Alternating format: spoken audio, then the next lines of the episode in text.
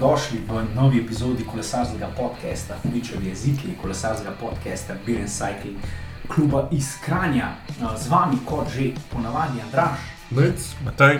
Tako da, ja, danes sem osredotočil predvsem na tale kolesarski spektakel po slovenskih cestah. Ne. Dirka po Sloveniji se je ravno zaključila, vmes se je super nekako poklopila oziroma prekrila tudi z največjim rekreativnim eventom, pa nam za neki event, za katerega marsikati rekreativci cel let trenira ne, z maratonom Franja, s kar presenetljivim zmagovalcem. Uh, pogledamo bomo tudi, kaj nas čaka naprej. Ne. Dirkanje na slovenskih cestah se še ne končuje, ne. že v uh, nedeljo, potem 20. 20. junija nas čaka državno prvenstvo v, v Kopru in pa malo bomo pogledali tudi, kaj se je pa ostalo po svetu uh, dogajalo ta čas, ko smo imeli uprte oči, več ali manj v Slovenijo. Ok, fanta, dirka po Sloveniji, končana, pet uh, zanimivih etap, en zelo pričakovan zmagovalec, ne, tedaj Pogačar, nekako smo omenili tudi v naših uh, prejšnjih, uh, prejšnjih epizodah, da vse drugo kot zmaga, tedaj Pogačarja bi bilo tule uh, definitivno presenečenje. Uh, Pa gremo mogoče kar po etapah. Ne. Tu je drugačna slatina, ena taka šprinterska etapa in pa na koncu kar so rena zmaga Fila Bauhausa. Ja, um, vse smo napovedali, tako kot smo zmagali. Uh, kot smo napovedali, pravilno zmago Tadeja Pogačera, smo tudi nekako napovedali, kdo so bili tisti glavni šprinterji in ja, Filip ja, Grau. tokrat, recimo, če na Džiru z- smo bili z napovedmi, recimo, da delno uspešni, mislim, da smo bili pred dirko po Sloveniji, kar uh, dobro, dobro si. Stavimo ne. po Sloveniji. Dobro se je staviti na dirko po Ja, veš, Sloveniji. to smo falili en dober narod. To je res, ja. Tle smo pa praktično vse napovedali. res Je pa res, da ni bilo težko zapovedati, glede na to, da so bile stvari dosti jasne. no. Zadeli smo recimo, ja, tudi belo majico, če bi se jo dal staviti, bi bil to mogoče lahko nek. Ampak je, na. Uh, tako da ja, um, zmagovalec prvega šprinta, Bauhaus, dost uh, suvereno. V bistvu še zelo malo manj sovereno, kot bi si jaz realno mislil. No, v tisti prvi etapi, ko si na koncu imel, koliko se tisti imel, pol kolesa prednosti, kaj tazga. Mislim, jaz, glede na dober šprinterski vlak, sem jaz pričakoval, da bo zmagal približno tako sovereno kot v zadnji etapi. Ja, ok, mogoče res bi lahko tudi bolj, ampak mislim, da vseeno zmaga nikoli ni bila zares pod vprašanjem. Uh, ja, na koncu pa res mogoče ni bilo tako zelo, zelo um, očitno, kot je bilo v tej zadnji etapi. Ja, v bistvu pri tej prvi etapi bi jaz mogoče še omenil poleg te uh, zmage Fila Bauhausa, da se je rekli, na veliko na tekmovalno sceno uh, vrnil tudi Kristjan Koren ne, v dresu slovenske reprezentance in Kristjan se je pokazal, ne, da ima še močne noge, da je še v zelo dobri formi, ker v bistvu nekaj 2 do 3 km pred ciljem, ko so šprinterski vlaki se že začeli sestavljati, se pravi v tempo, že kar visok, ne, je Kristjan skočil, naredil nekih uh, par metrov prednosti in skoraj minuto, dve ustrajal spredi, preden so ga ulovili, tako da je nekako bil ti statement. Evo, sem nazaj. Ne? In pa tudi v zaključku smo videli, ne, tudi tedaj Pogačar, kljub temu, da je bila šprinterska etapa, je nekako uh, se postavil ta šprinterski vlak UAE-ja, uh, Emiratov, je nekako navlekel čez tisti krožnik, ki je kar malo ven odnesel, jaz sem se kar malo ustrašil. Je pa šel po zunanji poti, ja, kar v precej podaljši. ne. Tako, tako, ko je v bistvu navlekel za njihovega šprinterja Ruja Oliveira, ki je takrat končal potem na tretjem mestu, tako da je v bistvu že v prvi etapi tedaj pokazal, da je tam, pa da je tudi tam ni samo da zmaga, ampak da tudi naredi nekaj za ekipo. Ne. Ja, mislim, da je bil pač razplet cele, cele etape v bistvu potekala res po notah, tako kot smo si jo zamislili. V bistvu vmes, ki je že kot skoraj mal kazali, da bi obižniki mogoče zelo lahko imeli šanso, je pa Hrajn pokazal tudi, da je res močen prišel na to dirko, ko se je Jan Tratnik postavil na čelo skupine. Mislim, da ni bilo 5 km, pa je Bego odrezal več kot minuto, tako da to res ni bilo, ni bilo nobenega problema. Ok, videli smo dva paca, to se pač v sprinterskih etapah zgodi. Ampak ja, že tudi tukaj je pa UAE v bistvu dokazal. In s tadojem, kaj pametno, pač mal pretegnil noge, če lahko tako rečemo, konec koncev je bila tudi za njega prva dirka po pripravah. Najbolj varno je, če vlečeš glavnino, tam te noben ne more zbiti čez na prvem mestu, tako da mislim, da kar šolsko odpeljana etapa, čeprav je UAE sicer ni zmagal, kar je bila pa spet tudi mal posledica smole, glede na to, da je Mateo Trentin v prvem delu etape kar grdo padel. Ja, res je, ampak se je pa res pokazala ta razlika med ekipam najvišje ravni in vsem ostalim. Tukaj sta bila Bahrajn in UAE res najmočnejše ekipe. Bahrajn za vse te malo bolj ravne, UAE pa praktično dominirali vse te bolj gorske etape. Uh, tako da vsakič se je za vsako etapo posebej vedel, kdo je v bistvu gospodar tiste etape in vsaki so tudi. Um, praktično upravičili, razen tiste tretje etape, ki je v bistvu tudi UAE imel vse pod kontrolo, ampak pa je bila pač ta um, poškodba Trentina, ki jo je iztaknil, bila vseeno majhen um, preveč, tako da ni tam pač sprintu do zmage. Ampak drugače pa je ja, um, z vidika protor ekip dost um, korektno in um, šolsko odpeljana dirka. Ok, pol je pa prišla že ta druga etapa, ki je v bistvu že kar več ali manj izkristalizirala tudi potem ta končen, končen razplet eh, dirke. Ne. Tukaj smo imeli to etapo, ki je bila že enkrat, že v bistvu tudi na dirki po Sloveniji, nekako so se kolesari zapeljali iz Žalca do Celja, konkretno do Celjskega gradu, vmes pa imeli tudi dva gorskega cilja in ta gorski cilj na Celjsko kočo oziroma na Svetino. Ne kot je uradno poimenovanje, že kar dolgo, v bistvu zmagovalce. Tedaj je v bistvu bil tam kar malo neočakan, se mi je zdel in zelo zgodaj. Jaz sem v bistvu bil celo na eni konferenci, super, da zdaj to moj šef ne posluša. Sem vmes poj malo upalil telefon, sem rekel, zdaj le pa enkrat bojo pa sred klanca, pa žgem pa že tedaj sam spredine. Ja, v bistvu sem, to je bilo tudi po mojem mal splet okoliščen, glede na to, da je Bahrajn v bistvu tam na začetku klanca znavil ritem in potem je Mohorič nekam presenetljivo odpadel takoj. In takrat je v bistvu jih je neko, po nekem spletu na ključu ustalo v spredje samo ne 4 ali 5 kolesarjev, tudi tudi Pogačar med njimi takrat pa pol, da ni več gledal nazaj. Samo še navil ga je, tratnike so še malo z njim, pol so je dobro boril še Mateo Sobrero, ampak kot smo že pred dirko pričakovali, Tleris ni imel tudi približno, ne, mu ni bilo para, da je. No, spustil je pol odpeljal, po mojem, bi jaz rekel, enih za njih 90 posto, v Vinkih ni tvegal preveč, na zadnjem klancu na celski grad ni imel težav, tako da res suverena in zmaga, ki pa res ni bila pod vprašanjem. Ja, še mogoče ena taka okoliščina, ki je tudi um, potrovala temu napadu, je to, da je glih takrat začel v bistvu malenko spadati dež in um, tudi mogoče je zato mogoče tedaj napadu, da si lahko.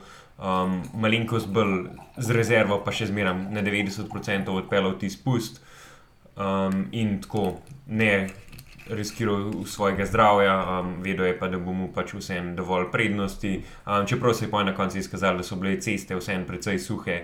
Um, ja, v bistvu se jih je drž dejansko ognil, ker recimo tako kot smo mi to pomlad navajeni če kje pada dež, pada tam, kjer si ti na kolesu, no oni pa dejansko je dež padal v celju, povsod drugi, razen tam, kjer so oni gonili kolo. Tako da so imeli malo sreče, kar je bilo pa mislim, da je z vidika zdravja tudi zelo dobro, glede na to, da ta spust celske koče je kar tehnično zelo zahteven, pa tudi cestna podlaga ni najboljša. In če bi bil tam še dež, eh, zna biti, da bi spremljali, mogoče tudi kakšen grd padec ali pa kakšen izlet v graben ob cesti. Tako da hvala Bogu se vse je šlo.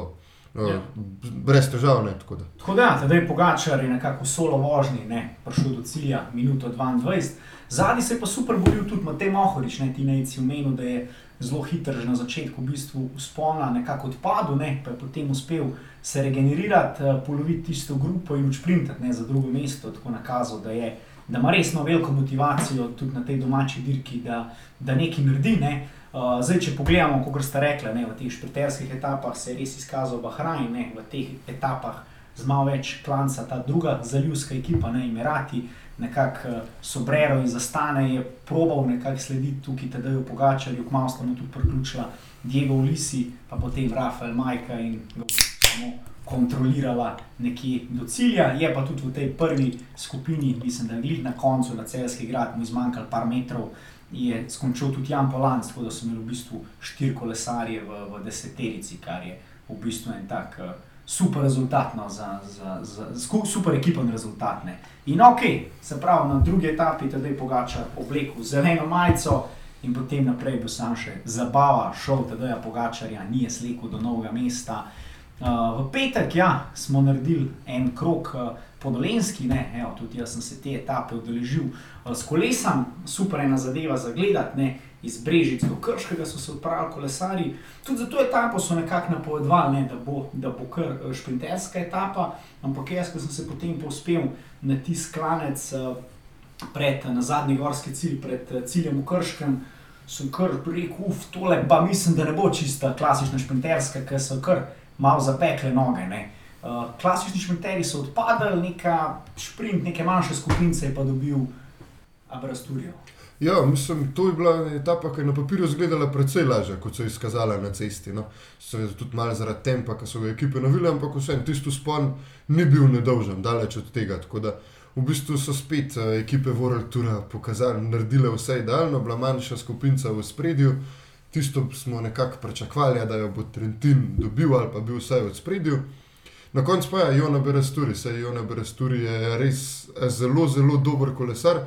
Samo on je kolesar, ki redko zmaguje, je nekako tisto vedno med v deseterici, pa tudi v peterici, pa kdaj na odru, ni pa glih na najvišji stopnički.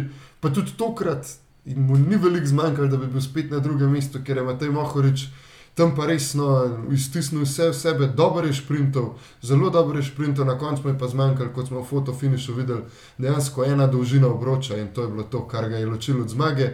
Vse smo pa videli, kako jezno je udaril v bistvu s prvim obročem ob tla. Ko sem jezno razočaran, no? ko tega šprinta ni dobil, sicer je pol, tako kot Matej to zna, zelo politično korektno rekel, da je zmagal najboljši, ampak najbrž si pa vsem je ustal predvsem enega grenga preukusa, tle, ker je bila ta zmaga dosegljiva. Ampak eno, konc koncev vse. Jona Berasturi tudi uveljavljen kolesar, pa no, niti ne tako zelo presenetljiv zmagovalec. Ja, je pa mogoče, ker si omenil ne, ta klanc na Sremič, ki so vsi napovedovali nekako to, uh, bom rekel, šprintersko etapo, klasično šprintersko. Ja, to še enkrat mogoče sam pove, ne, če samo gledaš profil, pa rečeš, ok, 6% do 4 km. Ah, se to se pa da. Ne? Ampak ja, z prve roke lahko povem, da sem vozil ne, ta vzpon.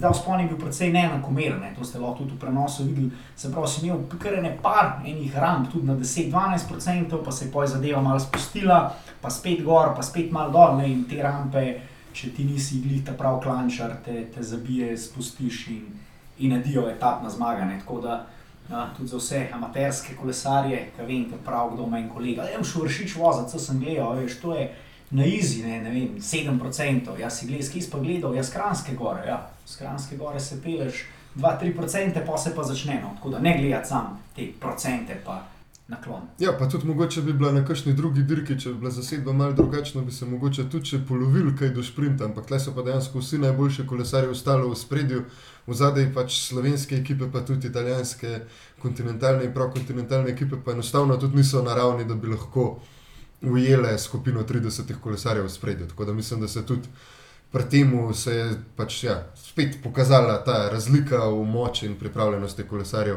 ki je bila na tej dirki res, res opazna. Letos. Ja, tukaj bi jaz mogoče sam še enkrat pomenil spet, da je Pogačarja, kljub temu, da je imel zeleno majico, ne, zelo varno se je prepeljal na prvih pozicijah, tudi na gorske, čil, na gorske čilice Sremič je potem v cilju, v bistvu na ciljni, v ciljni ravnini, pokril še en zelo močen napad Jana Tratnika. Ne? Približno 2 km pred ciljem je Jan skočil, vsi vemo, kaj Jan napade, ne? da je to hud power, ne? naredil hudo razliko. Tudi komentarji so že omenjali, da to je pa mogoče etapna zmaga, pa ga je tedaj Pogačar praktično sam pokril. Ne? Ja, je, se vrnem še par kilometrov nazaj, ker, uh, ko se spomnimo, čez cilj klanca ni prišla celotna skupina, ampak je v bistvu za to prvo skupino prišla še neka manjša skupina, kjer so bili Trentin, mislim, da je bil temno tudi Jona Berestori, se pravi, kasnejši zmagovalci. In takrat je UAE naredil neko taktično potezo, ker so mislili, da se jim bo obrestvala in so malenkost v bistvu zabremzali skupino, da je lahko pač Trentin ujel, seveda z idejo, da bojo pač oni um, naredili tisti uh, vlak za njega in da bo on lahko poj zmagal na koncu. So se pa pač tukaj res malenkost ušteli, um, še dodatno jim je pa poj res pač plane je pokvaril Jan Tratnik in je v bistvu tam uničil ti šprinterski vlak, kjer so najprej skurili Jana Polanca, kjer je um, hotel ujeti Jana Tratnika, um, pa mu pa ni uspel in potem so kar še um, poniknili nekako ti člani UAE, tako da je res mogel tedaj um, sam pokrpati tisto luknjo in potem je tudi. Um, Trentin mogel že, ker mislim, da je skoraj nekih 300 metrov do cilja začeti šprintati, ker je bilo pa poj tudi na koncu za njega. Ja, jaz sem bil uh, točno 200 metrov do cilja in je ne meni, da ti pa šel kot prvi še. ne, tam je dejansko se je bilo dobro videti v prenosu, lahko se zavrtite za nazaj pa pogledate. Dejansko je Jan Polanc ja, vlekel na čelo glavnine, ker oni so mislili, da so se znebili Berasturija. In Polanc vleče na čelo glavnine, na tem zraven vidite dve pozicije nazaj, Mateja Trentina, ki se obrne desno zagleda tam tri kolesarje, kaj je Rorala, tudi Aberasturija, nekaj sporoči v mikrofon. In pa je Polan sam še rekel, naredil z roko tako. Zakaj se jaz pa tle matram, tle očitno nimamo šansi, ne, očitno je Jan to kar dosti dobro precenil, da nimajo šans in Ja. žal res niso imeli. Je pa tedaj Pogačar evo, še enkrat več pokazal, da je res se podredi ekipi in če je treba, tudi organiziraš printerski vlak. ne. Pa tudi že zdaj, no pa se bomo tudi če polo tedaj v kakšno besedo več rekli, ampak to je res un pravi šampion na domači dirki, ki ga hočeš imeti. On je po vsaki etapi si vzel čas za podpise, za naj, pač mladim navijačem, za slikanje, za medije, za v, praktično skoraj vsak je hotel, kakšen košček njega, ga je lahko vsaj malo dobil. tako da To je res, pa tudi v, vsako etapo je menil, kako lepo mu je dirka doma, pa mislim, da to pri njemu pa dejansko ni bila zdaj neka ta floskula, ki je treba reči za to, da izpadeš džentlmen, ampak se mi je res zdel, da je užival na tej dirki. No. Ja, se meni je to vse skupaj zdelo kot en tak sprejem, da je Pogačarja, ne, petdnevni sprejem, da je Pogačarja, mogoče tudi temu pripomogla ta odsotnost neke, neke resne konkurence, zato se je daleč od tega, da so bili tukaj slabi kolesari, ampak tedaj je bil trenutno toliko boljši, da je dejansko se lahko nasmejano praktično pelo med vseh navijačev, ki so pripravili res čudovito kuliso in če nam je lani po tem čudovitem dvojni zmagi na Tour de France korona nekako vzela nek klasičen sprejem šampionov, smo pa kle lahko pet dni raztegnili ta sprejem. Ne. Kar se je še najbolj izkazalo ravno v tej kraljevski etapi, ne, od Dajdoščine do Nove Gorice, ne, čudovito sončno vreme takrat in res fenomenalna tudi trasa za, za, za gledalce, ne, tudi za gledalce pred televizijskimi sprejemniki, ki so lahko občudovane uh, lepote, krasa goriških brd in okolice. Ne. Uh, kljub temu, da smo mi navajeni kraljevske etape, da gre to čez neke alpske prelaze, da se dvignejo tudi do 2000 metrov skoraj. Pa tukaj ni bilo tako, ne, v bistvu največji vrh na tej etapi je bila v bistvu Sveta Gora, ne, 640 metrov, ne, mi gorenci bi rekli, kaj pa je to, ne, to je kaj naš Marjetna gora, ne, še, Tako nekako, ja, še veste. Jošt je v bistvu višji. Ne. je.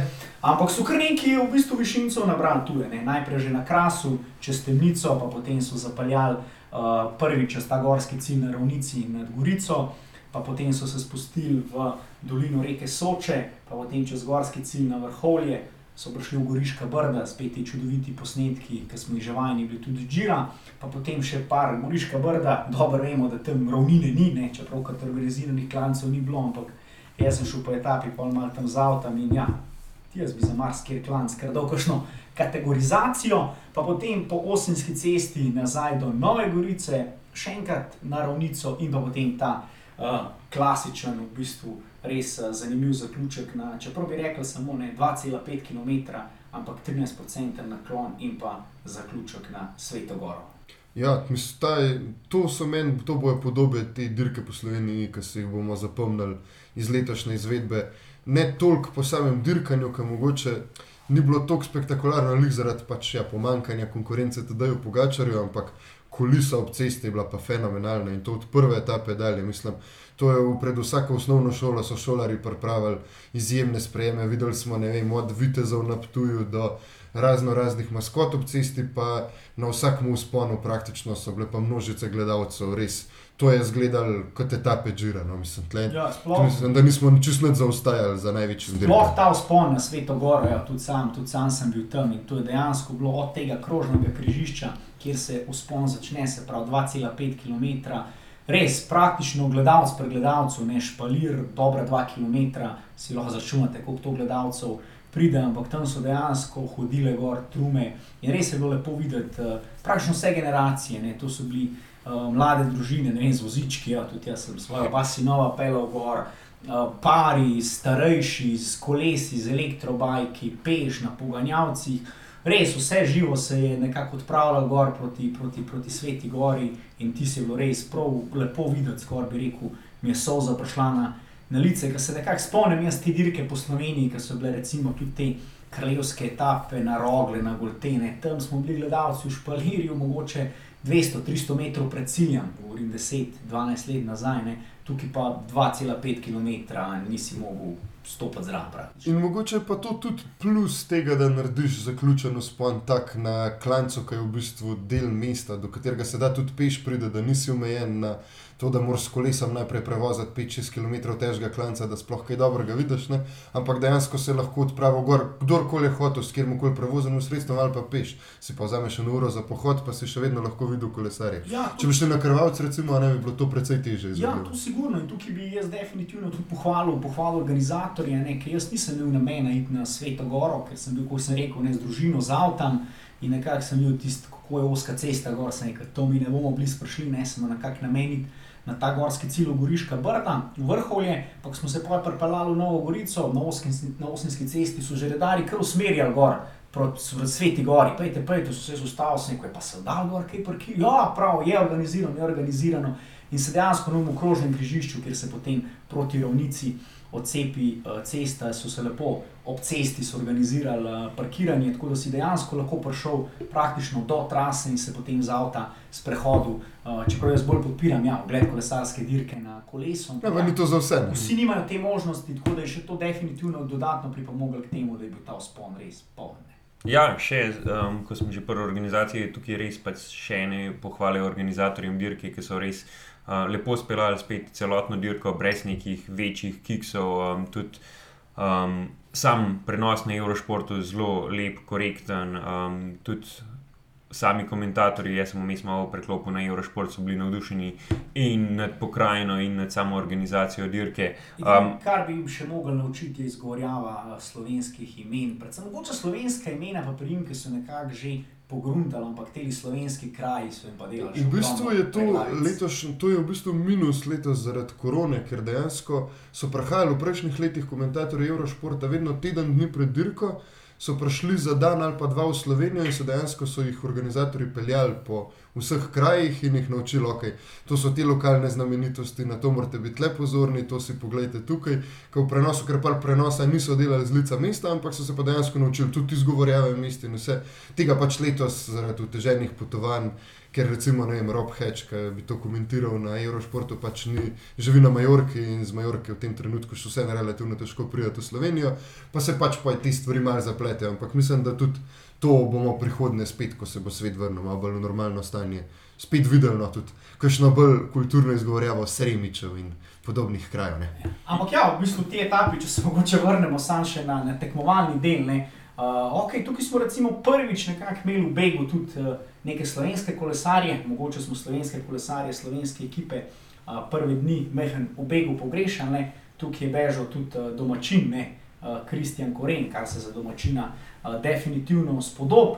Beg je bil potem ujet, ne relativno nadzorovana dirka strani Emiratov in pa potem uh, zaključni spon na uh, Sveto Goro, ravno pri meni, ker sem stal dve km do cilja in nekako nažalost popustil Matej Mohorič, ne, ki je pelal vrhunsko. Ne, on, smo rekli, ne, en dan prej je bil v borbi s praktično najboljšimi sprinterji, naslednji dan pa do zaključka z najboljšimi klančari, ne, res kompleten kolesar, tudi na spustu je napadlo, ne, se pravi, se ni dol. Tukaj je pač tedaj uh, Matej popustil, gor naprej pa relativno nadzorovano. Uh, nadzorovana dirka strani Emiratov, in še enkrat smo videli, je spet to veliko gesto, tedaj Pogačarja, ni želel neki pretiravati, vzeti etapne zmage, ampak je nekako nadzoroval zadevo, Diego Lisi zmagal in res super dan za Slovence in tudi za Emirate. Ja, um, res z tekmovalnega vidika nam ta dirka ni ponudila nekih presežkov. Predvsem zato, ker je bil pač UAE premočen na gorskih etapah, Bahrajn pa na teh ravnih. In točno zaradi tega um, si je tedaj lahko prvo šlo to, da v bistvu to zmago podari. Čeprav tam Sorbero tudi ni bil tako zelo delač od zmage. Um, Ja, pravi, edini kolesar, ki je, edin, ki je bil lahko zraven, se je na koncu zasedel še zmeraj tretje mesto v tisti etapi, tako da sta oba kolesarja UAE um, bila pred njim, tudi Majka ni bil delec za njim nekaj sekund. Um, ampak ja, pokazalo se je, da so nekateri kolesarji res očitno močnejši od ostalih in zato tudi um, vozijo v toliko boljših ekipah. Ja, mogoče pa si že tem rad omenil, jaz bi tukaj sam še mogoče izpostavil, res mogoče, ker se je videl, koliko ta dirka tudi pomeni slovenskim kolesarjem, ne? recimo Jana Polanca, ki je zdaj se res pomaknil v to vlogo pomočnika, kljub temu, da ima že tudi ene zelo lepe uspehe, tudi kot, kot, kot, kot tudi zmage, že dve zmage na Džiru. Tu je v bistvu Jan Polanc, ker dober še del. Tudi potem uspona na Sveto Goro je vlekel in roko tempo, tudi na posnetkih se je videl, da je šel vrdeče, da je šel vrdeče, ne? ampak potem, ko je odvil, ni odvil tako, kot odvijajo ponovadi pomočniki, dajo prvo, pa se nekako privlečejo do cilja, ampak tudi Jan Palance je tukaj je grizel, potem še naprej do cilja, osvojil tudi lepo mesto v etapi in tudi končal potem dirko v deseterici, kar je res tako lepa popotnica. Ja, v bistvu se, če se spet vrnemo na to zmago Diega Olizija, pa potezo Tadeja Pogačarja, ki mu je to zmago nekako prepustil, je tudi, ne, to so kupovanje miru v ekipi, sistem Tadej dela, ker dejansko smo tudi pač uspeli slišati od kolegov na dirki, da je tudi bil Jan mal nezadovoljen s tem, da mogoče on ni dobil še šanse v etapi, a ne pa pač še je žal, se, to je taka zdaj vloga Jana Polanca v tej ekipi, teda Pogačara in verjetno, če že Jan Polanc negoduje Die- Diego Ulisi, se pa še precej te- težje sprijazni z vlogo pomočnika, pa sploh po težkem letu, ki ga je imel Diego Ulisi, pa težavah z aritmijo, potem, da se bori za mesto v reprezentanci Italije za olimpijske igre, je dejansko mislim, da si tedaj s to zmago pridobil več, eh, od dobre volje do miru ekipi, do pomočnika na bodočih dirkah v Lisiju, ki bo malo lažje mu pomagal. Tako da, ja. Tudi na takih potezah se kažejo šampioni, ne samo takrat, ko brezkompromisno zmaguješ, kadarkoli se da, ampak tudi tako kot je včasih delal Indurain, kakšno zmago pa tudi uh, prepustiš nekomu, če veš, da ti bo to še enkrat kasneje prav prišlo. Sej, teda je pa že pobral etapno zmago, pobral skupno zmago, pobral majico najboljšega hribolazca, tako da je imel dovolj. No. Pa predvsem lažje je, če to etapo prepustiš moštvenemu kolegu. To je pa Absolutno. sploh um, lepa gesta, ki se ne pozabi. Ok, potem smo imeli pa še zadnji dan, pa zaključno etapo, kjer smo pa videli eno res tako lepo fuzijo. Ne? In Jaz, ki sem ki je bila napoved, sem rekel, ufak, kako bo pa to, kako bo pa to delovalo, ampak je delovalo perfektno. Ne? Se pravi, na isti dan smo imeli uh, zadnjo etapo dirke po Sloveniji, ki se nekako tradicionalno konča v novem mestu in pa tudi največjo rekreativno uh, športno prireditev, dobro, poleg Ljubljanskega maratona v Sloveniji, ne maraton Franja, ko vsako leto prva pač več tisoč kolesarjev in letos sta bile obe zadeve v bistvu združene, ne? Nekak skupen štart v BTC in pa potem profesionalni kolesari so na dirki po Sloveniji najprej odpeljali ta krok, tako imenovane male Franje, ne? s tem usponom na suhi dol, pa potem so se po isti trasi odpeljali proti Ljubljani in ko so kolesari male Franje potem tam zaključijo in popijo kakšno pivo, so fanti profesionalci nadaljevali naprej proti novemu mestu in eh, res, jaz mislim, da je bila to super poteza, ne, že v začetnih uh, delih, ne, ker v bistvu jih niti nismo videli po televiziji, bilo pač tam ogromno gledalcev, ne, to ta lahko več povedala tudi Nec pa Matej, ker sem se udeležila tudi male Franje kot tekmovalca, jaz sem recimo zadevo gledal na, na, na zbiljah, ne, ki je v bistvu več kot 100 km, 120 km pred ciljem in je bilo že tam ogromno gledalcev, škofelo, ki sem videl posnetke, tam je bilo sploh noro. Ne.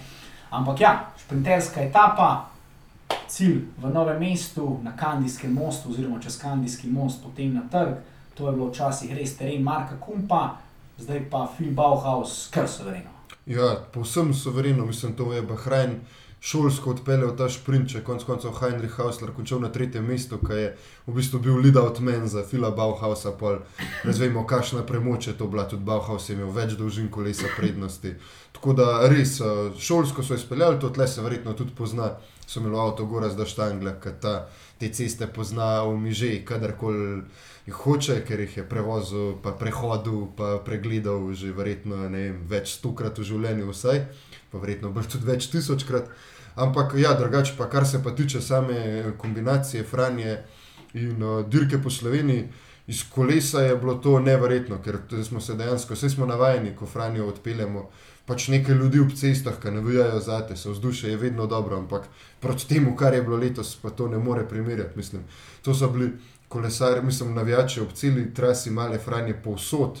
Vsi so navijali, tudi za nas, pol, ki smo bili v bistvu, mi dva smo tam že kakšno vem, uro po prihodu tekmovalcev, bi jaz rekel, na dirki po Sloveniji, ampak vseeno, mislim, res fantastično, tudi fantastična nedelja, konc koncev za kjerega koli gledalca. Preneseš se stolček, odpreš kašno pivo, eno uro pogledaš, najprej vidiš najboljše tekmovalce na dirki po Sloveniji, še kakšnemu rekreativcu zaploskaš, mogoče koga poznaš.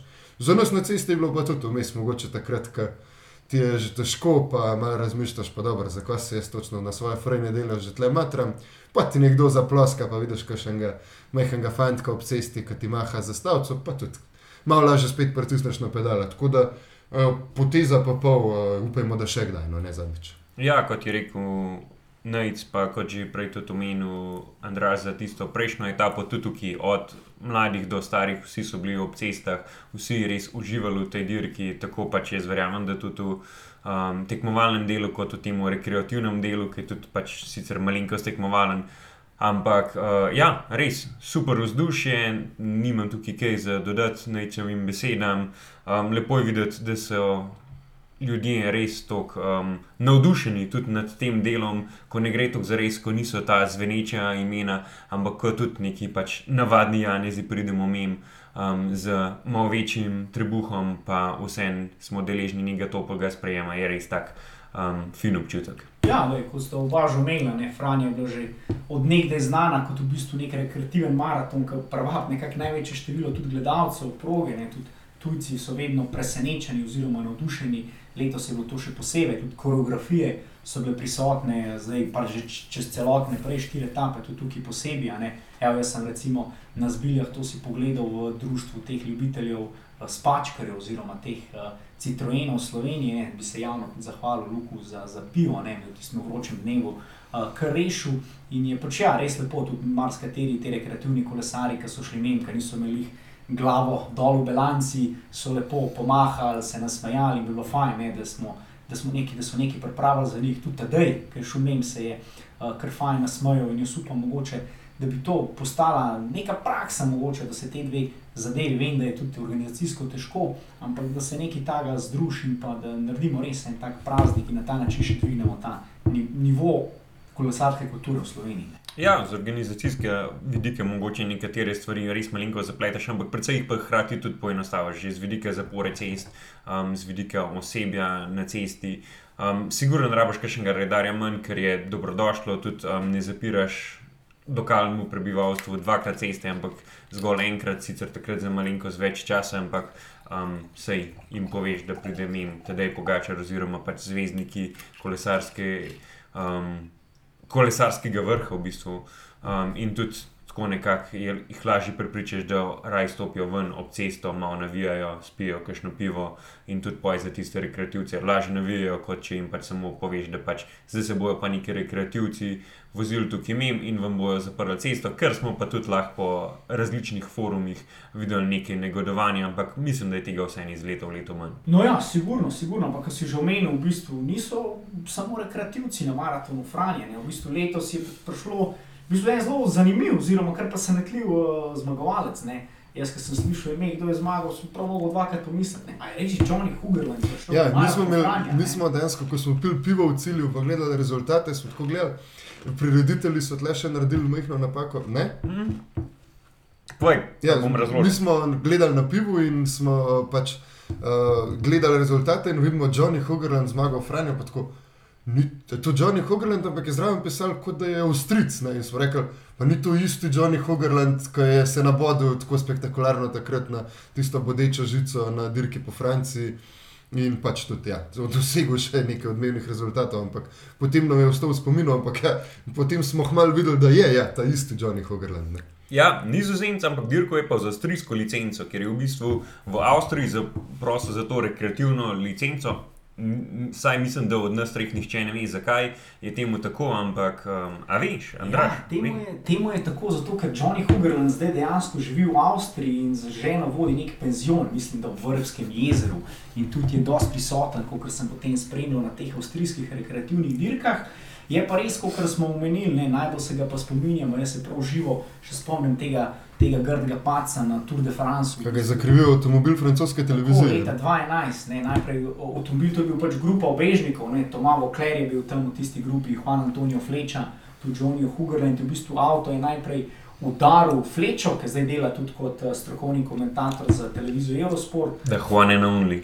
ja, Fleča je potem nekako padel in podaril še Johnnyja Hugerlanda, ki je pa dejansko parletel v bodečo žico, to je tista bodeča žica, ki imate za živino past, ne, je takrat staknil več kot 30 šivo, potem v cilju, ne, uh, ker Johnny Hugerland je prišel takrat v cilj. In tudi končal tisto dirko v Franciji. Končal dirko, ampak on je verjetno mogoče niti ne bi prišel v cilj, če ne bi v bistvu na tej etapi v begu usvojil pikčasto majico. Ne, in on je pikčasto majico virtualno imel, če bi takrat odstopil in nikoli v karieri ne bi, ne bi oblekel, tako da je potem v hudih mukah.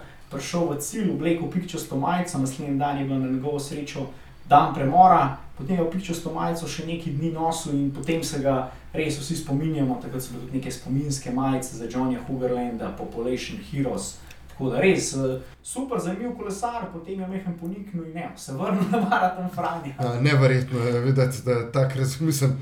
Takega zmagovalca pa res dvakrat pogledaš, da kot Johnny Hogarland dela na Franju, ampak ja, čutno ima motivacijo, da pride dirkati v take dirke. In to je super, to je super. Jaz mislim, da tudi tem rekreativnim dirkam in dviguje nivo, in tudi uh, dviguje tudi neko prepoznavnost, in tudi fajn videti, da tudi te uh, profesionalni kolesari, tudi po ne vem, petih, desetih letih po koncu karijere, so še zelo nabrušeni. Ne?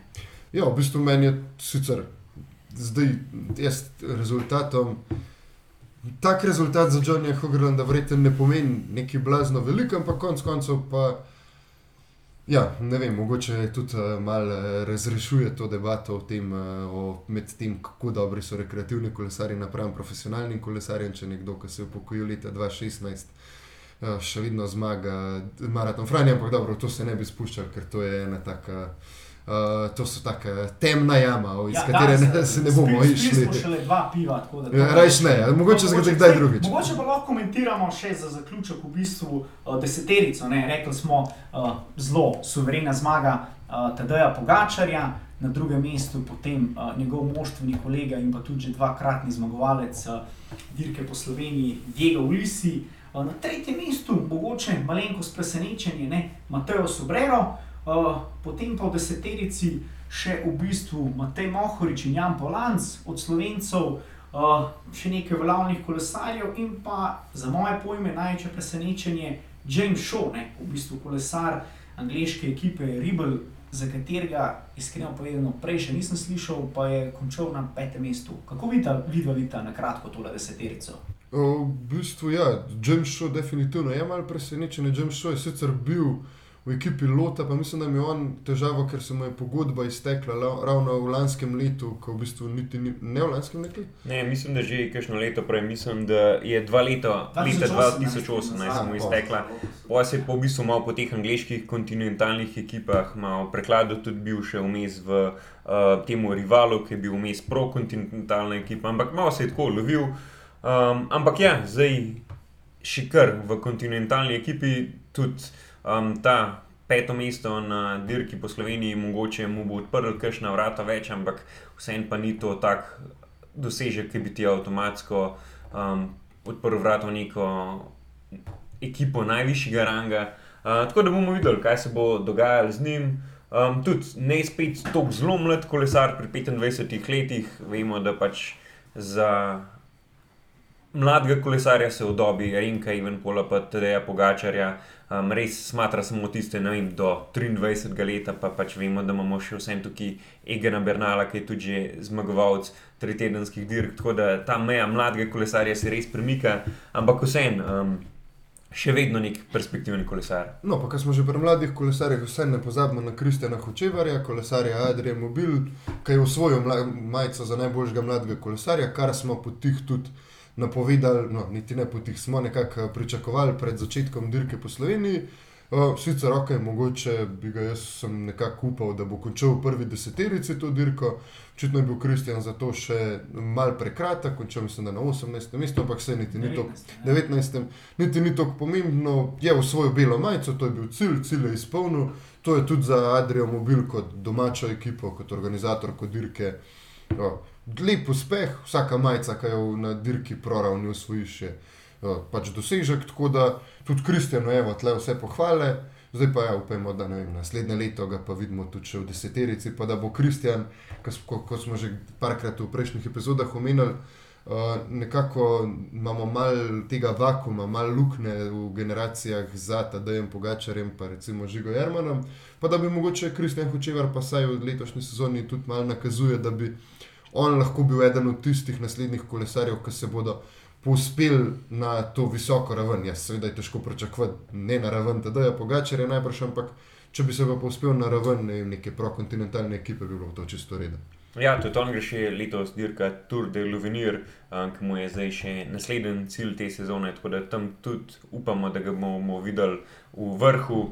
Bomo pa videli, kaj nam bo prinesla še ta sezona. Ja, no, pa še v bistvu ostali dve majici, nekako fashion kotičku, prejšnjo, prejšnjo epizodo je Matej predstavil, so ostale v Sloveniji, ne, se pravi štiri majice, štiri slovenske majice, se mi zdi res lep uspeh, ne pomnim, da je na zadnje bilo tako, ne.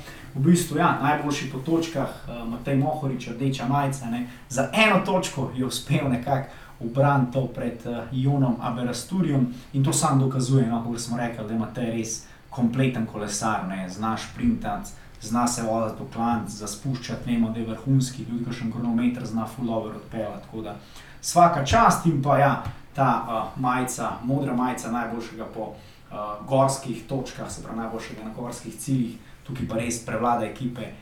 Emiratov, tedaj Pogačar je osvojil to majico, na drugem mestu Rafa Majka, na tretjem Diego Ulisi, se pravi, so Emirati pokazali, da so res prišli tukaj z zelo gorsko orientirano zasebo.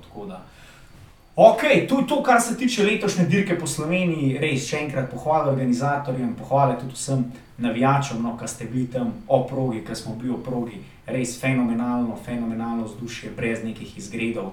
In mislim, da je to definitivno delač najbolj gledan, uživo najbolj gledan športni dogodek uh, leta, tako da jaz že komi čakam naslednjo izvedbo, upam, da pride še kakšen drug uh, težko kategornik, uh, naprimer, da Primoš Roglič in pa da dejansko vidimo ene super boje na slovenskih cestah. No, kot vidite, tudi nas je zanesla ta slovenska kolesarska euforija. Ne? Tako da zmeraj pred začetkom rečemo, da smo pa malo krajši, ampak ja, nismo bili, ne smo bili kar dolgi. Uh, tako da, ja, ampak dirkanje na najvišji ravni po slovenskih cestah se na srečo, na našo srečo, uh, ne končuje. Ne? Že v bistvu ta vikend nas eh, čaka nek double paket na uh, državnem prvenstvu, ne? kjer bomo dobili nove, oziroma nove, stare državne prvake, tako v kronometru kot na cestni vožnji. Lani je to boje potekalo na Gorenskem, letos se sedmo na Primorsko, se pravi, najc v četrtek, v bistvu 17. junija nas čaka kronometer. Ja, čaka nas eh, kronometer, spet eh, v Kopru.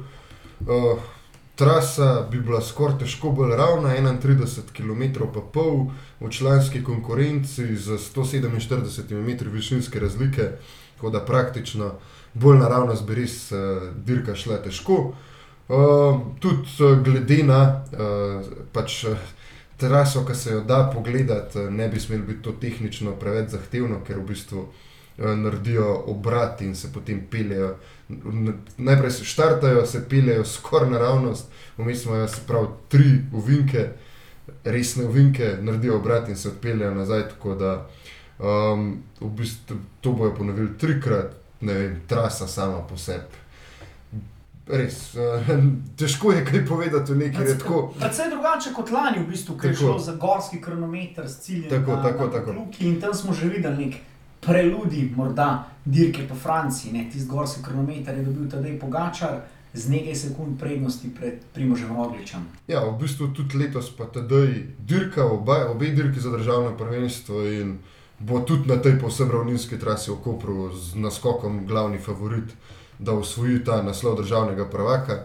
Je sicer res, da ne bi tukaj štartne liste, žal še nimamo, tako da govorimo malo glede na to, kaj se govori, pa malo na pamet, ampak. Um, če bo Jan Tratnik na štartu, bo verjetno Jan Tratnik njegov glavni konkurent, ampak mislim, da glede na trenutno prikazano formo, bi tedaj to vse en mogel uh, majico odnesti. Uh, ja, Primož Rogliča na štartu ne bo, on v Sloveniji, mislim, da sploh ne pride več, je še kar na pripravah v Tinju in s tem bo šel direktno na štart dirke po Franciji v Brest. Um, ja, tedaj je letos se odločil za neko slovensko stopnjevanje forme pred dirko po Franciji. Uh, tale kronometer bo seveda z veseljem, bi si ga želel zmagati, ampak mislim, da nedeljsko cestno državno prvenstvo je pa tisti cilj, na katerega je osredotočen. Ja, za kronometer mogoče poleg dveh kolesarjev, ki že omenil, se pravi Pogačarja in Tratnika, še Mohorič, tudi jaz mislim, da on bi lahko ob dobrem dnevu bil zelo v vrhu. Um, pa mogoče še en tak malenkost outsider, Kristjan Koren. Videli smo ga, da je nešpičen, videli smo, da je želen dokazovanje, tudi primorske ceste so njemu precej domače. Uh, tako da tudi njega vidim, mogoče ne glih na najvišjem mestu, ampak v peterico bi ga pa skoraj lahko uvrstil. Um, ja, potem pa še nedeljska dirka, državno prvenstvo, Najc. Um, kaj nam lahko o tem še poveš? V bistvu to državno prvenstvo, pa spet krogi v okolici Kopra, v bistvu ta vzpon na Markovec, nad predor Markovec je pa dejansko je točka dirke, kjer se bo dirka lomila. Ne? Tako da mislim, da lahko, tako kot smo se prej malo pogovarjali, bo ta dirka po profilu bi mogla biti zelo podobna. Če se spomnimo par let nazaj, ko je bila na Gorenskem dirka za državno prvenstvo, se spomnim na Bašal, ta vzpon na Markovec, Andraž bi mogel biti. Mislim, da je nekaj podobnega. Ne? Ja, ja, nekaj podobnega. Ne. Videli bomo v bistvu deset krogov, desetkrat bodo šli uh, kolesari na Markovec, skupaj 172 km, kar naredi dirko malo bolj, malo resno. Pa še teže bo, ne, ker se pač na državnem prvenstvu je grupa zelo majhna, tako da teh Tako. 172 km je vedno teže. Ja, in 1650 višincev, kar spet ni, ni, ni, ni tako zalogaj, ampak ja, videli bomo v bistvu zabavo dirko že, že od zgodnjih jutrnih ur, v bistvu že ob pol devetih, no, v bistvu štartajo šta, starejši mladinci in pa eh, ženske, ki bodo odpeljale šest krogov, eh, potem ob enajstih eh, mlajši mladinci in pa starejše mladinke s štirimi krogi. In pa potem ob dveh, ne, štart te moške elit dirke in U23, ker bomo vsi najbolj nastrpno a, pričakovali 10 krogov, in pa cilj je predviden nekje okoli, okoli 6 ure, štartni ciljni prostor okoli Bonifike, uh, mi pa bomo najverjetneje najboljš zadevo videli uh, nekje na tem vzponu, vzponu na Markovec, tako da evo, navijači.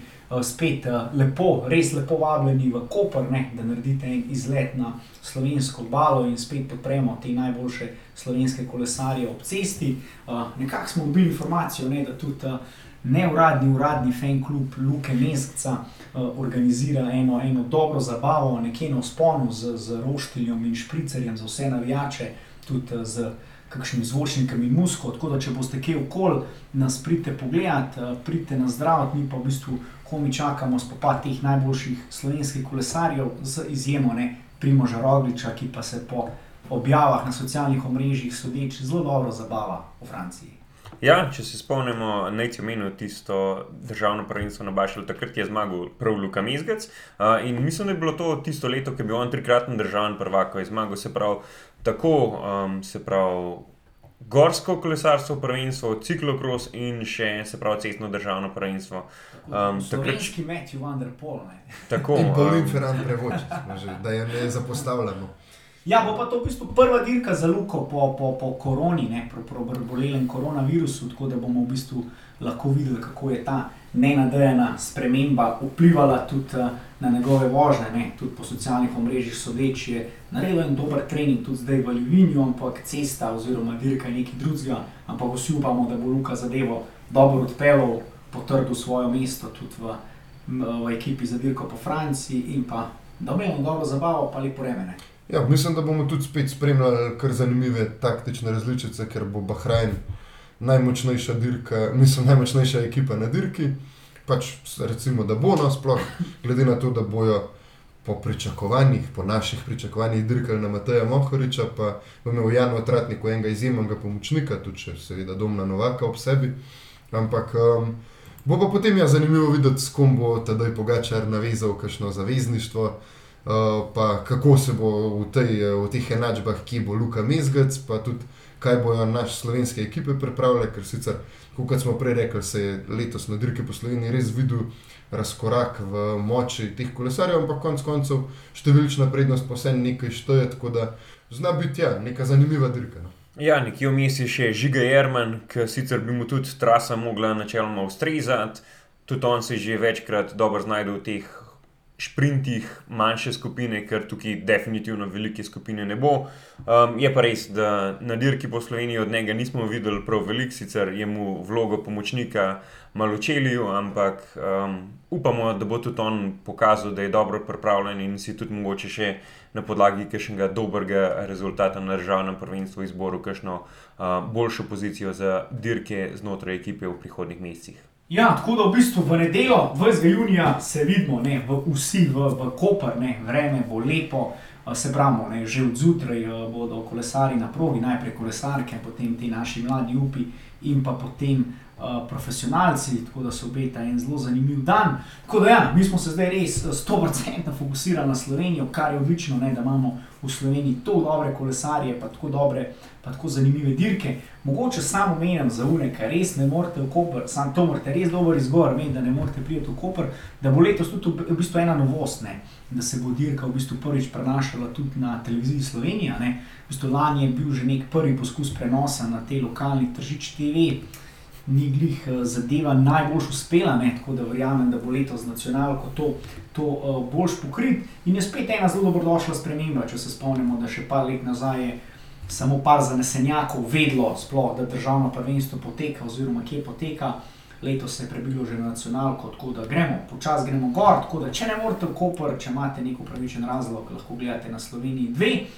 Se pa te dni ni dirkal samo v Sloveniji, ne, mi smo se res osredotočili, smo res tako navdušeni, da je tako dober lafa v Sloveniji.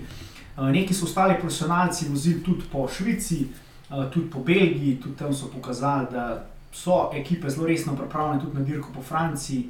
Matej, kaj se tam dogaja? Ja, um, Švica je bila ena taka dirka, ki smo že prejšnjič malo omenjali, se pravi tisto zmago Štefana Kunga, uh, potem pa ja, dve zmage Matija van der Pola, na koncu skupna zmaga Richarda Karapaza, ki nekako potrjuje, da je uh, Ineos v neki taki dosti dobri formi, tudi imajo več zmagovalcev teh tedenskih etapnih dirk in mislim, da bodo prišli na Tour de France zelo dobro pripravljeni, pa še zmaga Gina Mederja, ki tudi nekako nadaljuje to uspešno pomlad Bahrajn Victoriusa. Um, pa ja, kaj še, uh, Štefan Biseger, ki smo ga tudi omenjali v prejšnjih epizodah je zmagal ena etapa, sicer pa neka taka dirka, brez nekih um, odmevnih zgodb, brez nekih odmevnih rezultatov, tako da tukaj res ne bi izgubljal neki besed. Um, potem smo imeli še dirko po Belgiji, um, etapna dirka s petimi etapami, dve je zmagal. Kaleb Ivan, ki je se prav uspešno rehabilitiral svojo koleno, ki si ga je domnevno poškodoval na dirki po Italiji. Um, tudi ena zmaga Marka Kevendisha, ki je povedal, da um, sicer ni v tako zelo dobri formi, ampak ukolikor ima pa pač um, najboljši lidal v pelotonu, lahko pa tudi on zmaga. Tako da um, morkov vsa čas za to, kar opravljaš, ni za to najboljši lidal v pelotonu. Um, in pa skupna zmaga Remka Ivan Pola, ki je pokazal svojo v bistvu dobro pripravljenost še na tistem kronometru, um, ga tudi zmagal in že v prvi etapi pa v bistvu se odpeljal v neki manjši skupini, ne sam, um, tudi takrat v svoje drugo mesto v etapi na koncu pa, kot sem rekel, um, skupno, e, uh, skupno zmago usvojil. Um, in pa še ena dirka, ki je mogoče bila deležna malenkost manj. Um, javne obravnave je pa se pravi um, Giro za mlade kolesarje, tega je dobil Juan Ayuso, ki smo ga videli tudi dirkati na um, italijanskih cestah že v preteklosti, se pravi v začetku sezone. Zmagal je tri etape, zmagal je um, skupno um, razvrstitev, zmagal je po točkah, zmagal je najboljšega mladega kolesarja in zmagal je še po. Um, Zmagovalec je bil, se pravi, gorskih ciljev, tako da osvojil je praktično vse, kar se je dal na tej dirki za kolesarje in jaz verjamem, da tudi njega čaka neka zelo dobra pogodba že v prihodnem letu. Jo že ima za naslednje tri leta z ekipo v Emirates, tako da je, A, no, je, on je svoje pogodbene probleme že rešil. Je pa ta Baby Giro tudi res težka in zanimiva dirka, konc koncev. Jo, jo, imamo že slovenskega zmagovalca na njej, ne? to je tedaj valjavec, je tam v bistvu naredil svoj preboj na mednarodno sceno, če tako rečemo. Tako da tudi takrat, ko smo že ko smo govorili o napovedi dirke po Sloveniji, o tem, pa malo o teh anekdotah, je tedaj valjavec, eh, smo govorili o tem, kako je tedaj valjavec po nesreči Marijo Čepolini vrgel bidon v glavo, pa je takrat pričakoval, da ga bo Čepolini najmanj okoli šest. Pa mu pa je Čepolini prišel pa rekel, ti si pa zmagal v Baby Giro, tako da ti si pa kar dober. Tako da, evo, očitno je tudi Juana Jusov kar dober. Ja, tako da, evo, Tirka se je tudi neki po tujini, kot smo videli. Uh, tako da, ja, kot smo rekli, no, mi se vidimo v nedeljo, potem v Kopru, evo, mi se ga že pripravljamo, ne smo v bistvu naše tradicionalno pivo zamenjali za eno dobro istrsko malvazijo, tako da kakšen deci več pa potem v nedeljo v Kopru. Hvala za pozornost, pa se vidimo. Adijo. Čil.